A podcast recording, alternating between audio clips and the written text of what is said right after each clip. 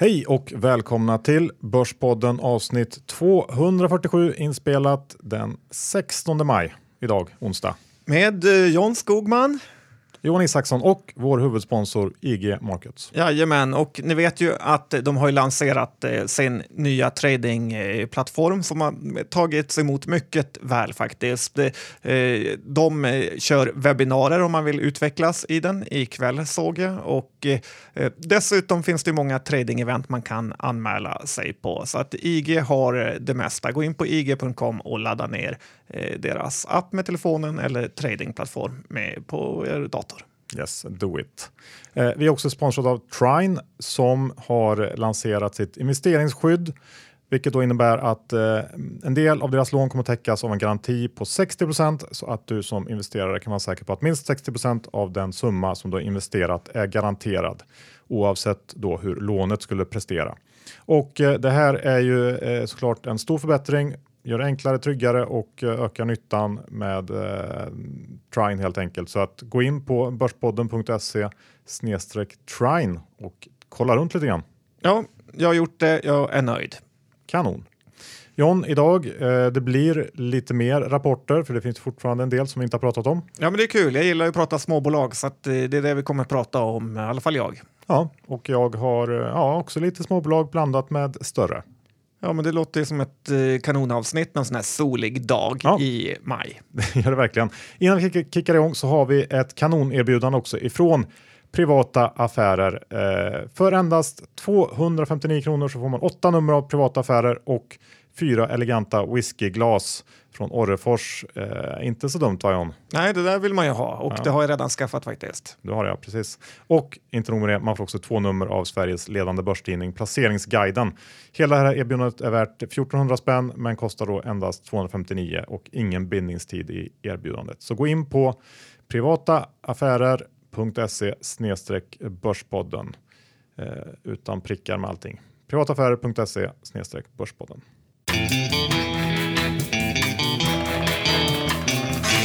Johan Dr. Bass Isaksson index är i 1600 ungefär och vi har eh, väl kommit ner lite grann från toppen. Det känns ändå svajigt. Ja, jag tycker det känns som att börsen har gått ganska starkt eh, på slutet här och frågan är väl om eh, den helt ska frångå den här bondepraktikan och vara stark här under de normalt sett svaga sommarmånaderna. Eh, det är ju ingen som vet riktigt, men jag tycker det känns lite läskigt att det är så starkt. Det jag också tycker mig se är att det är tydligt hur det är valutan som styr börsen just nu. Vilket eh, får mig att tänka på när vi var i Tokyo John, och träffa en eh, storbankstrader där. Eh, Kommer du ihåg det? Ja, det gjorde det. Det Konstigt om jag hade glömt bort det. Man vet aldrig. Och han var ju faktiskt väldigt trött på den japanska börsen, aktiemarknaden. Eh, eftersom det, det enda som spelade någon roll där var ju hur yenen gick. Eh, och jag tycker jag får sån feeling av OMX nu också. Och det får mig att tänka på hur sjukt det är att de som är mäktigast i världen, det är inte våra politiker som man kanske först kan tänka. Det är inte Trump eller Xi Jinping eller Löfven heller för den delen, utan det är ju namn som Powell och Draghi, kanske Ingves också på ett hörn, som sitter på den yttersta makten.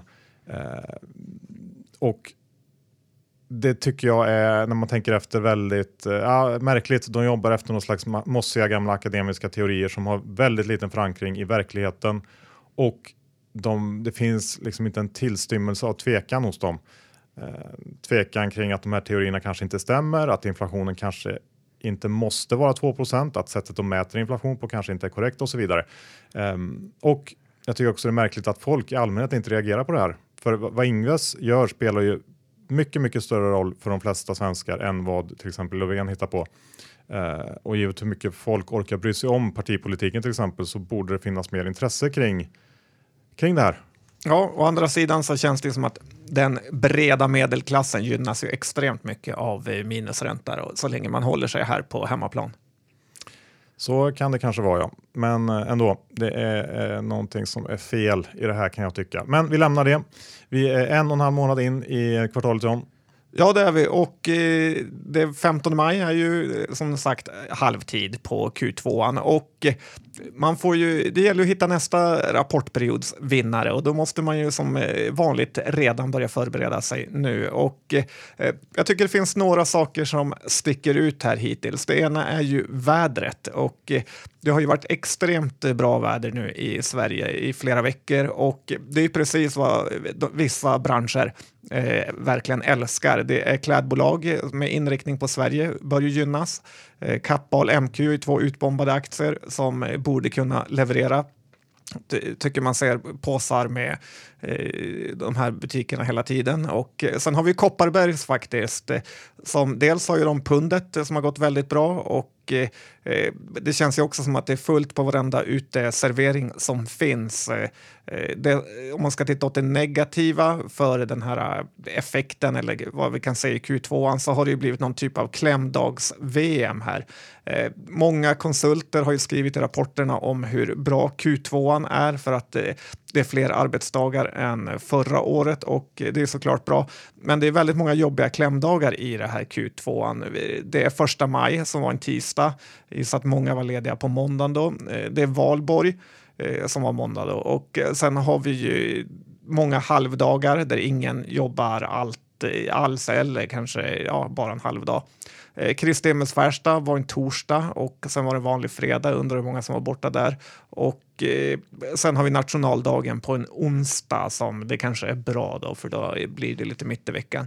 Eh, det är möjligt att det egentligen är slutkunderna som får betala för det här då konsulterna är bra på att jobba in eller jobba hemifrån. Eh, men jag höjer ändå ett varningens för klämdags-VM. Ja, men det kan vara värt att tänka på.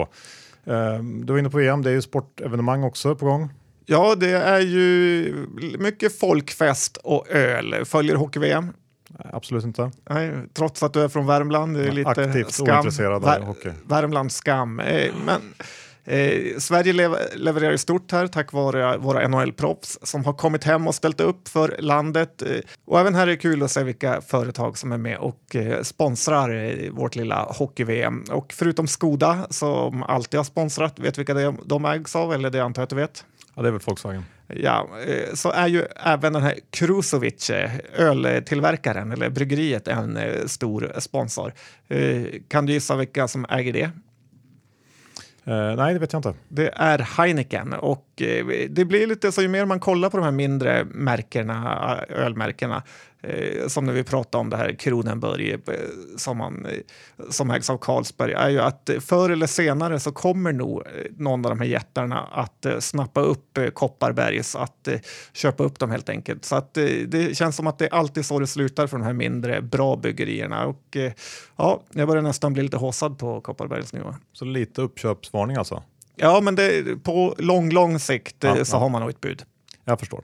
Sen så tänkte jag att vi skulle prata lite om eh, vår engelska. Vi fick ju en del eh, kommentarer kring vår, eh, vår engelska när vi intervjuade Vlad i förra avsnittet och var en del som tyckte att det var kul att vi var så dåliga på engelska när vi samtidigt då enligt dem hade hånat eh, analytiker och vd eh, för deras engelska i conf calls för några avsnitt sedan. Men då tror jag eh, att man har missuppfattat lite grann vad det här Eh, conf call engelska grejen gick ut på som du körde. Eh, som jag tolkar det i alla fall så handlar det mer om hur eh, värdelösa i många fall conf är i, sin, eh, i sitt format och hur de är uppbyggda. Att någon står och rabblar upp en rapport som man kan läsa och, och sen så kommer det några generiska frågor. Eh, det är i alla fall var min tolkning. Ja, lite så. Å andra sidan är det ju också rätt kul med svengelska, Johan. Det är ju, känns som att det var jag som instiftade But I'm from Sweden. du kanske, vi kanske får ta den helt enkelt, den smällen. Ehm, um, Claes Olsson kom med försäljningssiffror här igår, va? Ja, det gjorde de och eh, de eh, överträffade ju marknadens förväntningar och eh, aktien gick upp rätt kraftigt faktiskt. Ja, och du har ju varit på något, något slags aktieägarmöte i, i Dalarna där hemma, hemmaplan för Clas Ohlson. Ja, jag var i Insjön på ett aktieägarträff. Jaha, och hur lät det?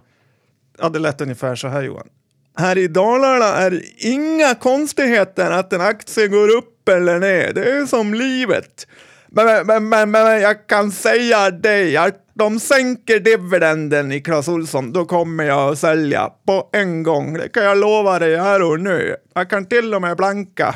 Ja, det kommer smälla i aktiebokarna. Han ska aldrig äga en aktie som sänker sin dividend. Det har jag läst på bloggar.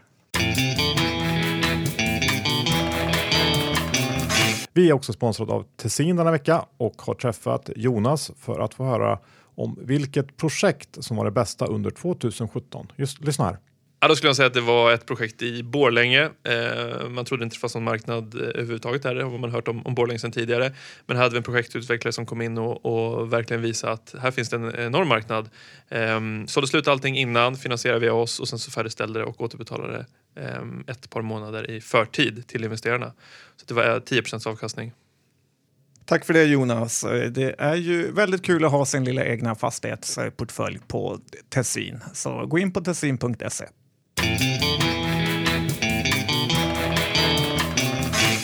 Okej John, som vi sa i början, det finns en hel del rapporter fortfarande att gå igenom och jag tänkte vi kunde börja lite grann med eh, Hexagon. Ja, det är kul. Ola Rolén eh, har eh, ju blivit eh, attackerad igen av de norska myndigheterna, men eh, Hexagon tuffar på. Ja, eh, precis. Eh, siffrorna kom in väldigt nära förväntningarna. En organisk tillväxt på 7% och en ebit-marginal som förbättrades till eh, 23,8% mot förra året 22,5. Eh, förvärv är ju och har varit en viktig del i Hexagons resa och det kan vara värt att notera faktiskt att man nu tycker att prisnivåerna har blivit väldigt, väldigt höga och att man har lämnat en, en handfull deals eh, det senaste halvåret på grund av detta. Nu köpte man i och för sig ett bolag igår här så att det verkar inte helt kört, men det kan ju ändå vara, vara någonting som eh, är lite motvind för, för ett sånt här bygge som är lite förvärvsdrivet ändå. Aktien är som vanligt högt värderad så det är ingenting nytt där. Men som du sa, eh, Ökokrim fick ju igenom sitt eh, överklagande av domen mot Ola här och det innebär ju att man kommer ta upp det här caset igen. Eh, förutom att det är trist för Ola så, så kommer det ju, eh, även om jag tror att det kommer sluta på samma sätt som förra gången, så är det ju en process som är tidskrävande. Jag läste att den förra rättegången den varade i 19 dagar och eh, Ola var då på plats under alla de här dagarna. Så hur man än vänder och vrider på det så tar det ju en del fokus ifrån Hexagon. Ja, nej, det är extremt irriterande måste det vara att bli friad och sen anfallen igen. Ja, men eh, vi lämnar Hexagon eh, och går från en av börsens eh, största och bästa bolag till, eh, till ett av de minsta och sämsta, Hybricon. Oh, tack för det Johan. Det är ju folkaktien i Umeå här som det faktiskt är har ju fått sig en rejäl smäll då Umeå kommun valde att välja VDL som är holländsk leverantör av elbussar istället för den lokala förmågan Hybricon. Eh, det blev extremt trist för aktieägarna här. Den tappar 50 procent på en dag. Eh, när jag var håsad till den här aktien så var det för att jag hade pratat med vdn, vilket jag avråder alla från att göra. Alltså vd-pratar, för då blir man alltid inlurad i något. Och han berättade då att de var med i typ 20 upphandlingar och att det här såg eh, sjukt bra ut. Nu har det gått nästan två år sedan och de har inte vunnit en enda av de här upphandlingarna. Och Bolaget går ju med brakförlust. Eh, nu när till och med Umeå dumpar de här så känns det lite nattsvart eh, faktiskt för bolaget eh, för att överleva måste de göra en stor, stor nyemission eh, som jag ser det och eh, det är väl det som kommer hända för det är, annars så kommer bolaget dö. Men det betyder också att om man är ägare nu kommer man bli rejält eh, utspädd och behöva skjuta till med eh, mycket pengar. Och eh, det är ju ibland som Syding brukar eh, säga att bara för att man tar hög risk så innebär det absolut inte hög avkastning utan man har tagit hög risk och, och fått ingenting Johan. Nej, oftast brukar det nog vara så nästan skulle jag säga. Ja, trist i alla fall för de som ägde aktien. Men, men eh, vi går över till eh, en duo som haft eh, lite jobbigt sista åren. Eh, jag tänker på Getinge Arjo. För Arjo har inte vunnit så många, många månader på börsen, men i alla fall. Eh, bägge två har rapporterat med eh, helt skilda kursreaktioner som följd. Eh, om vi börjar med eh, Sur-Getinge så kollapsar ju den aktien totalt efter rapporten och här får väl jag i alla fall erkänna att jag hamnar väldigt snett. Jag fokuserade på en bättre topline när jag tradade den här rapporten. Eh, för omsättningen växte faktiskt med över 5 organiskt och det har man inte varit bortskämd med i Getinge. Eh, och eh, jag valde att inte lägga så stor vikt vid att resultatet var betydligt sämre än väntat. Och det var väl ganska exakt tvärt vad marknaden gjorde kan man säga. Um, Getinge brottas fortfarande med eh, ja, höga kostnader relaterade till de här kvalitetsproblemen och FDA problematiken. Eh, men även så har man kostnader som ligger kvar efter avknoppningen av Arjo som man måste på något sätt bli av med eller växa in i. Eh, och det här blev ju inte bättre heller av att de drog igång sitt konf-call och ledningen var väldigt öppna med att eh, 2018 blir ännu ett skitår Eh, ett år av investeringar och eh, allmänt stök och det låg inte alls i analytikernas estimat inför rapporten. Eh, så att kontentan av den här rapporten är väl att vändningen av bolaget kommer att ta längre tid än väntat och ja, man har kört ner aktien på det.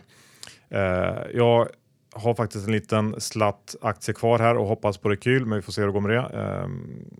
Efter, efter Q1 och besvikelsen här och den outlook man gav då, så är det svårt att se någon riktigt trigger för att få igång, få upp den här aktien. Kanske, kanske kan vara så att blankare vill köpa tillbaka lite aktier. Eh, och ta hem lite vinst. Men eh, ja, i övrigt så ser det inte så jättekul ut på kort sikt. Det var inte jättepositivt om det är uppgångsmöjligheten. Nej, sen vet man ju inte heller, någon gång vänder ju ett, jag tror fortfarande att det går att vända Geting och att det finns en ganska rejäl potential på lite längre sikt. Eh, men sen är det alltid svårt att veta när sådana här vändningar sker. Det tar ju oftast mycket längre tid än väntat. Det är ju Geting ett bra exempel på. Dessutom så måste jag säga att balansräkningen ser ju inte heller alls särskilt rolig ut. Ehm, jag tycker att man borde ha gjort en betydligt större nyemission när man ändå gjorde den här förra året. Ja, så i alla fall, eh, trist eh, Getinge. Eh, Arjo däremot då, eh, den aktien gick ju som ett skott på sin rapport som jag tyckte i alla fall eh, första anblick i stora drag liknade Getinges, det vill säga en lite bättre topline men sämre resultat än väntat.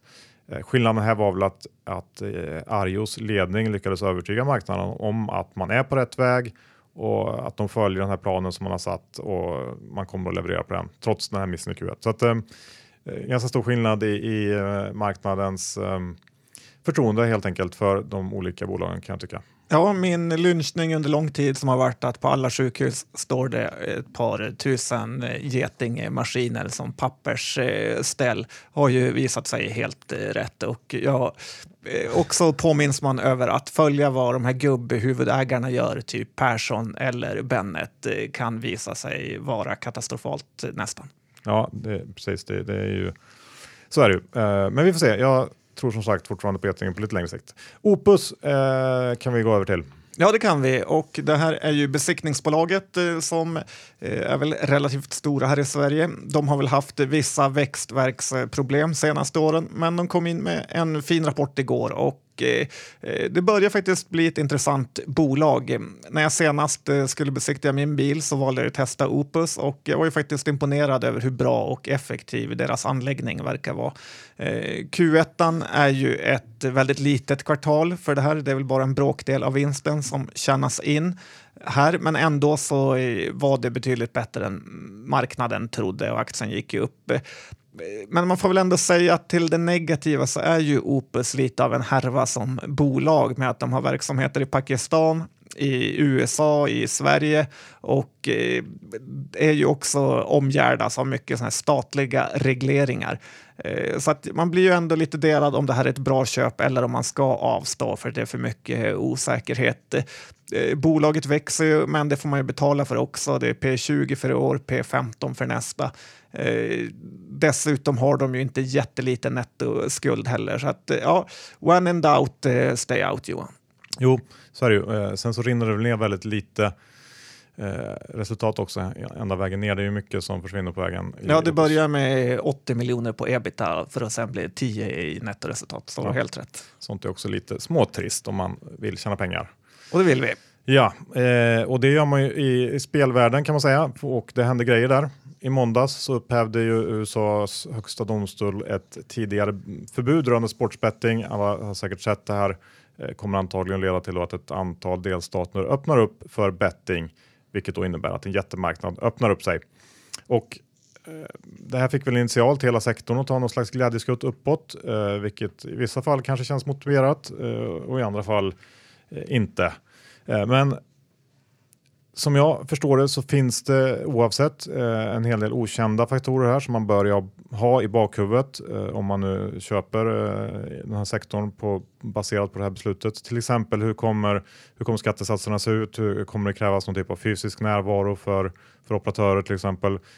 Kommer de olika ligorna kräva stora fees? Jag läste att NBA vill ha eh, snackade om att de vill ha 1 i avgift på allting spe, allt spelande och det skulle ju slå väldigt hårt mot lönsamheten till exempel.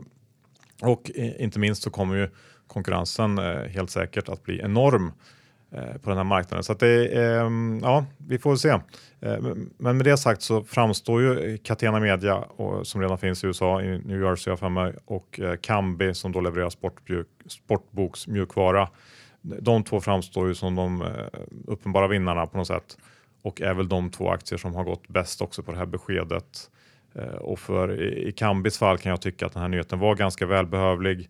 Eh, det har varit relativt knapert med nya eh, kunder inför fotbolls-VM där man haft ganska höga förväntningar, i alla fall jag. Jag hade hoppats på flera avtal här under våren.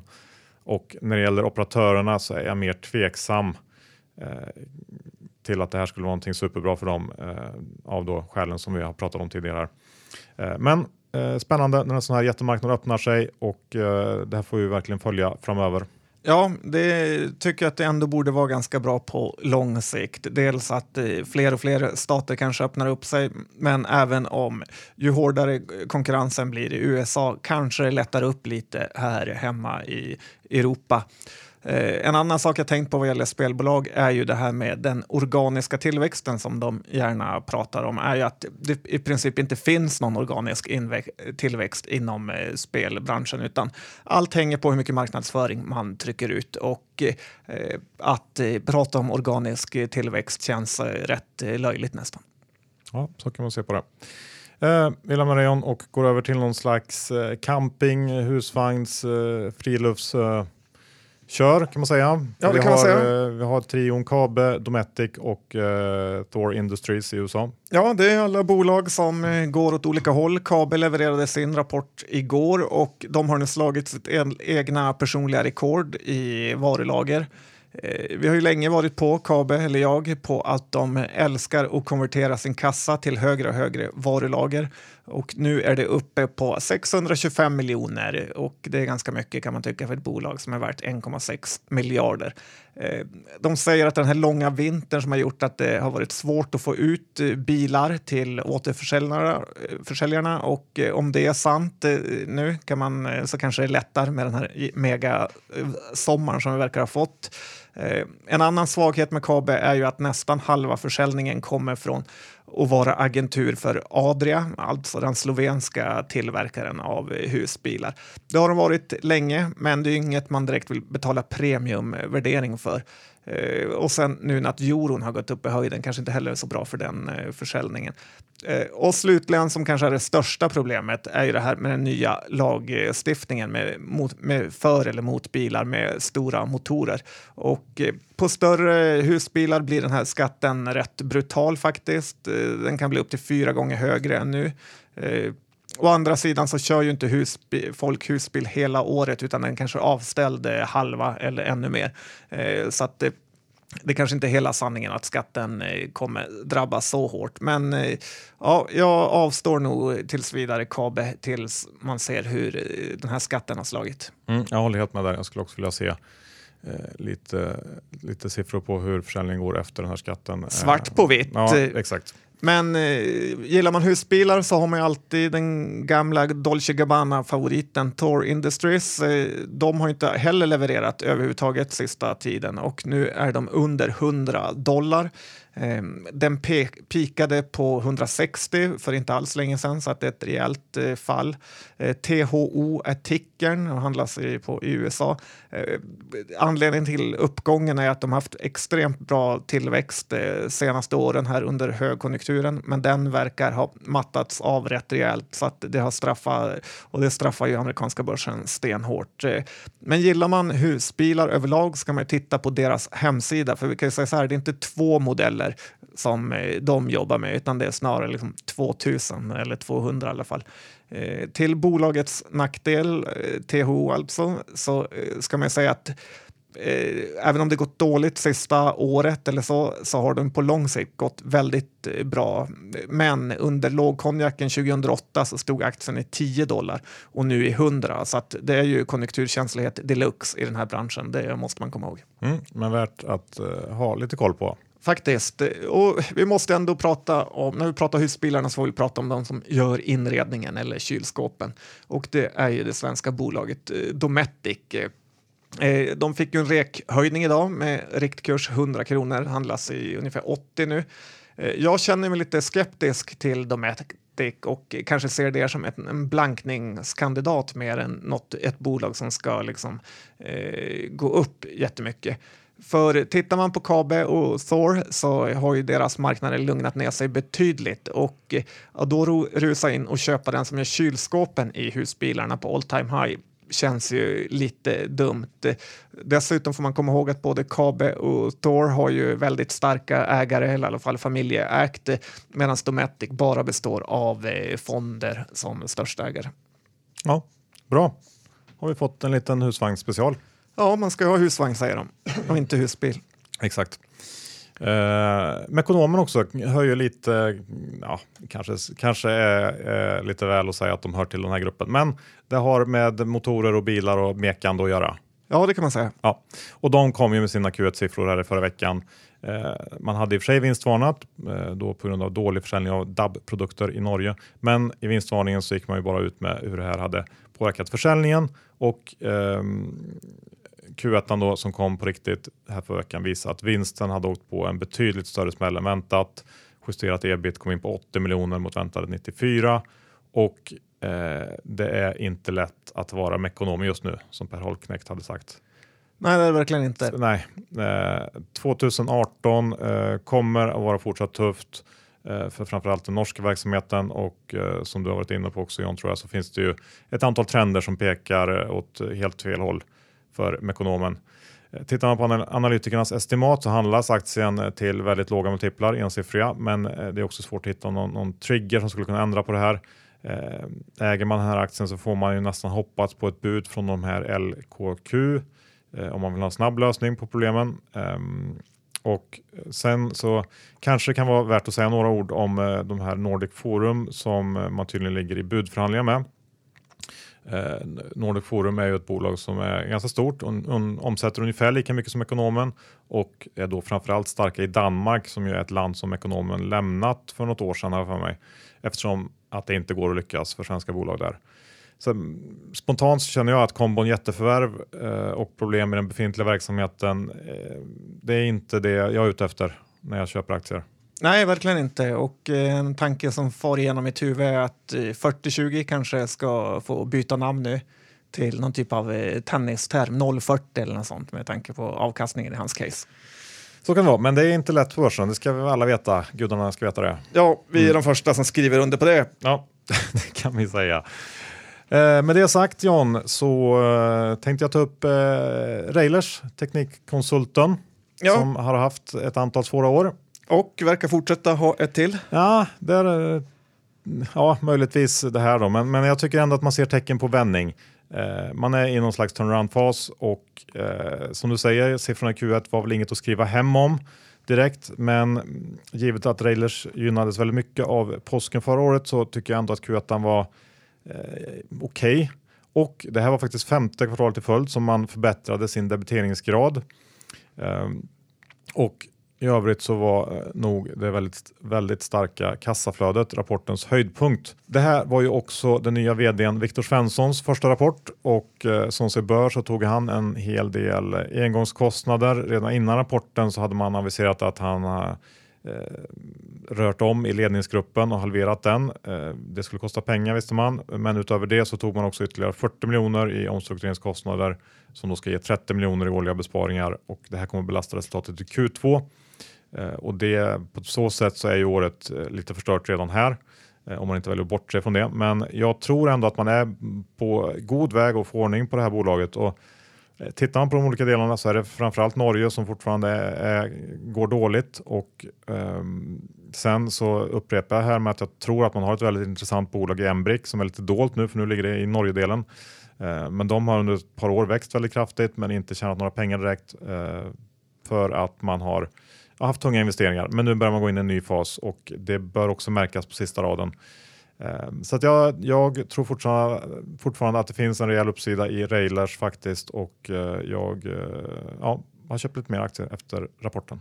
Ja, jag börjar bli lite orolig för din eh, turnaround-hets som verkar dyka upp nu igen. Det är Getinge och det är Reglers. Personligen kan jag tycka att om man vill göra det enkelt för sig så, och vill vara inom konsult eh, så kan man köpa Semcon istället. Det är, så- båda värderas till en miljard och ett går bra och ett går dåligt. Men vi är alla olika. Ja, men Railers är nästan 50% större och eh, ja, det finns ju mer saker som kan hända på uppsidan där tycker jag. Så att eh, Semcon har ju redan gjort sin turnaround. Men men, alla olika. Ja, så är det.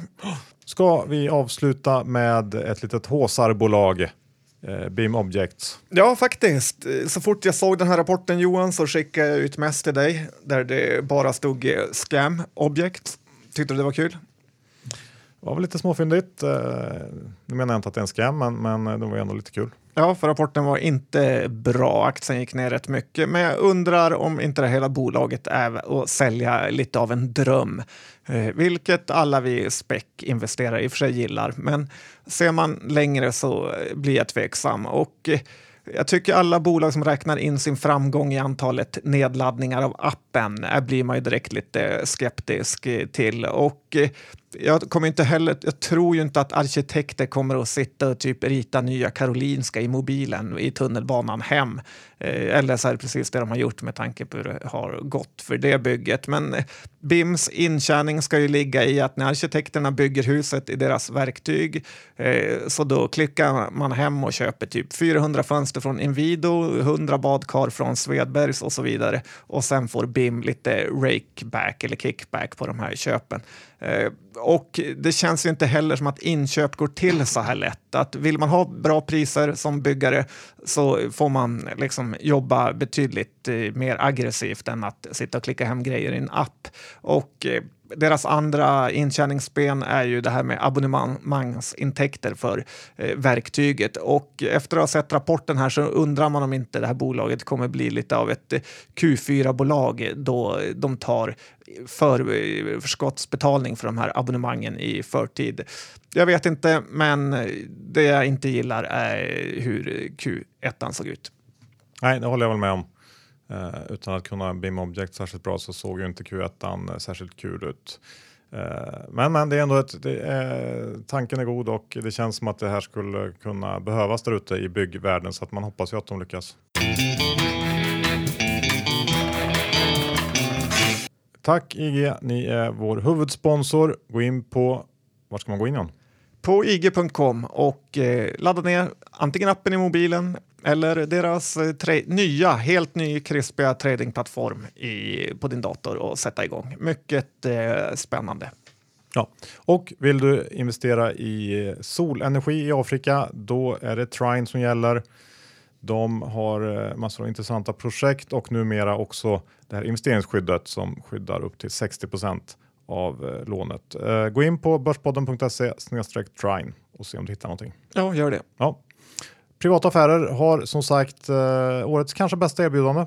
Eh, för 259 kronor så får man åtta nummer av privata affärer, fyra eleganta whiskyglas och två nummer av placeringsguiden.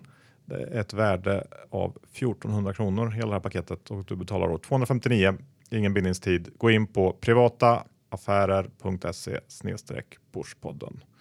Ja, tidningen är faktiskt väldigt bra tycker jag. Ja, och vill du bli, bygga upp en liten eh, egen fastighetsportfölj? Ja, då är det ju Tessin som är stället där du ska leta på. Ja, flera kassaflöden letar man och eh, här kan du få ett från fastighetsmarknaden. Ju tuffare marknaden är, desto bättre projekt får Tessin in. Så gå in och titta där, Ja. tessin.se. Bra! John, eh, innehållsredovisningen innan vi avslutar. Jag äger Railers. Eh, I övrigt, eh, ja, Geting också som sagt. Eh, I övrigt ingenting. Du? Jag äger då eh, Semcon som vi pratade om i vår lilla teknikkonsult battle. I övrigt eh, ingenting heller. Inte ens en husvagn. Nej, skönt. Tack för att ni lyssnade den här veckan. Vi hörs om en vecka igen. Hej då!